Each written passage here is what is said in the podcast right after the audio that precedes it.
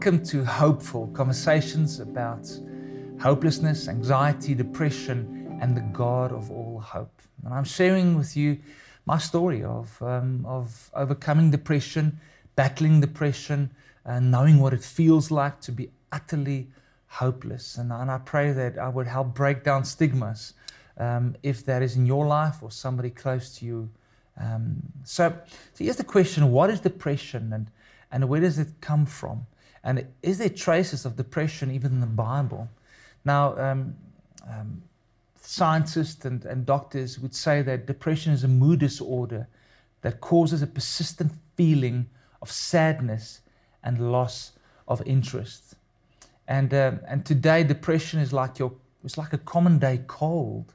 Um, statistics says that one in every six persons in America would somewhere in their life have depression. Now, that's a huge number. Um, even in the worldwide pandemic, uh, COVID 19 that hit the world in 2020, uh, even in South Africa, there's a, a company or a group called SADAG, South African um, Depression and Anxiety Group, uh, who said that their, their daily calls of people reporting and asking for help and maybe having suicidal thoughts literally doubled from 600 to 1,200 calls per day, people uh, asking for help. And, uh, and many times this is, is, is, is, is misunderstood. Depression is almost a stigma, especially amongst Christians, uh, where people feel this guilt and this shame if they start to have these anxious thoughts. And I would just love to, to break down the stigmas, um, for you to be real and to maybe acknowledge if you might have this. Now, please, uh, one, I am not a doctor. Um, I, I, have dealt with this in my own life. I've read, I've studied, um, and I have a very good friend that's also a psychologist that's helped me prepare some of these sessions. But please don't ever self diagnose yourself. okay. Um, I want you to, to really take time to get professional help to ask a good counselor, good psychiatrist, a good doctor to help see if, if you really have depression and then what to do about that. In the next coming sessions, I will be focusing on, on depression. Now, um, there are different types of depression. The first one would be what we call a, a major depression. And, and this, this might be a major depressive episode that happens in your life once, or maybe it, can continue. In my life, that was the case. Uh, I had major major depression that, that kind of manifested every now and then in my life, and um, and and it, it, was tough. It was really really tough. Uh, feelings of utter hopelessness, even suicidal thoughts. Then you have what you call manic depression or bipolar disorder, where it's it's a lot of um, ups and downs that happens um, in a person's life, where there are episodes uh, where people would actually lose contact with reality in these moments where they're manic depressed. Um, and uh, some some scientists and some doctors would say that uh, maybe bipolar can be genetic. It, it can come from from from where you grew up or, or family traits. Uh, and it hasn't been absolutely proven that there's a certain chromosome that produces uh, or that results into depression. It's a very complex disorder because it's psychological, it is physiological, it's a combination of so many factors. But most scientists agree that it, it is maybe a combination of both as they are busy studying this. Then you have what you call depressive psychosis, where people would dissociate. Um, then there's what we call perinatal or postpartum depression, um, moms who um, who had a baby and they go into massive depressive episodes after the baby was born. Um, there's also things like seasonal depression in, in the change of the weather, uh, where people just get depressed because it's winter or even it's, it's spring and they just get depressed that time of the year. And then you have what we call situational depression that is triggered by a certain event in your life.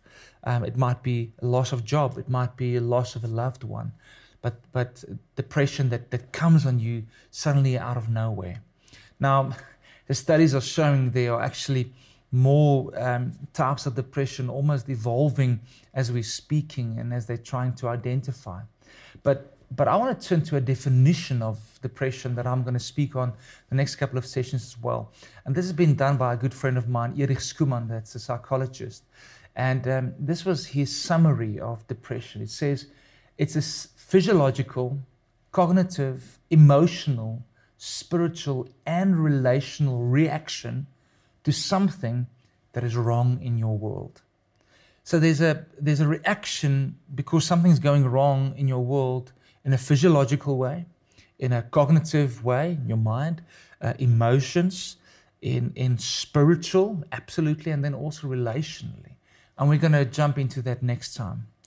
Now, there's a, another amazing um, theologian and psychologist, Archibald Hart, who I've read many of his things, that says that most depression um, can be re- retraced back to a form of loss in our lives. Now, I experienced that a lot. Um, even the loss of, in my case, not doing something perfect or failing in a certain area. That feeling of loss can escalate and become a depressive um, um, episode in your life. Now, in the Bible, um, there's no word depression. Uh, I know one or two translations these days are actually translating it as depressed, but the word depression only came much later in, in, in the forming of words in the 16, 1700s about. Um, but, but in the Bible, it's words like despair, discouraged, oppressed, harassed, hopeless, defeated, sorrow, downcast, broken-hearted, troubled, miserable, despairing, and mourning that is used to describe depression. And, and therefore, I believe there were people in, in the Bible that really had depression David, Jeremiah, Elijah, uh, Job, and then also even Jonah. Uh, after God saved Nineveh, he was, he was sitting under the bush and saying, Well, I would rather die now. So, what that tells me, it's real. And we can identify with people even in Scripture uh, with this. Now, I want to leave you with one scripture that has helped me so much in my journey that I had to battle with depression. And that's out of the book of, of Psalms, Psalm 34, verse 18, that says, The Lord is close to the brokenhearted, and he saves those who are crushed in spirit. Wow, what amazing promise. Um, whatever you're facing right now, if you have depression, has been diagnosed, or you're wondering, do you have, or you are just hopeless, God is close to you. Know that today. And He's able to save those who are crushed in spirit. This is not new to Him, it doesn't surprise Him. And what you're going through, He is able to sympathize with that. And not just that, He's able to save you and to be close to you. Would you open up your heart and allow Him in so that He can come and save you?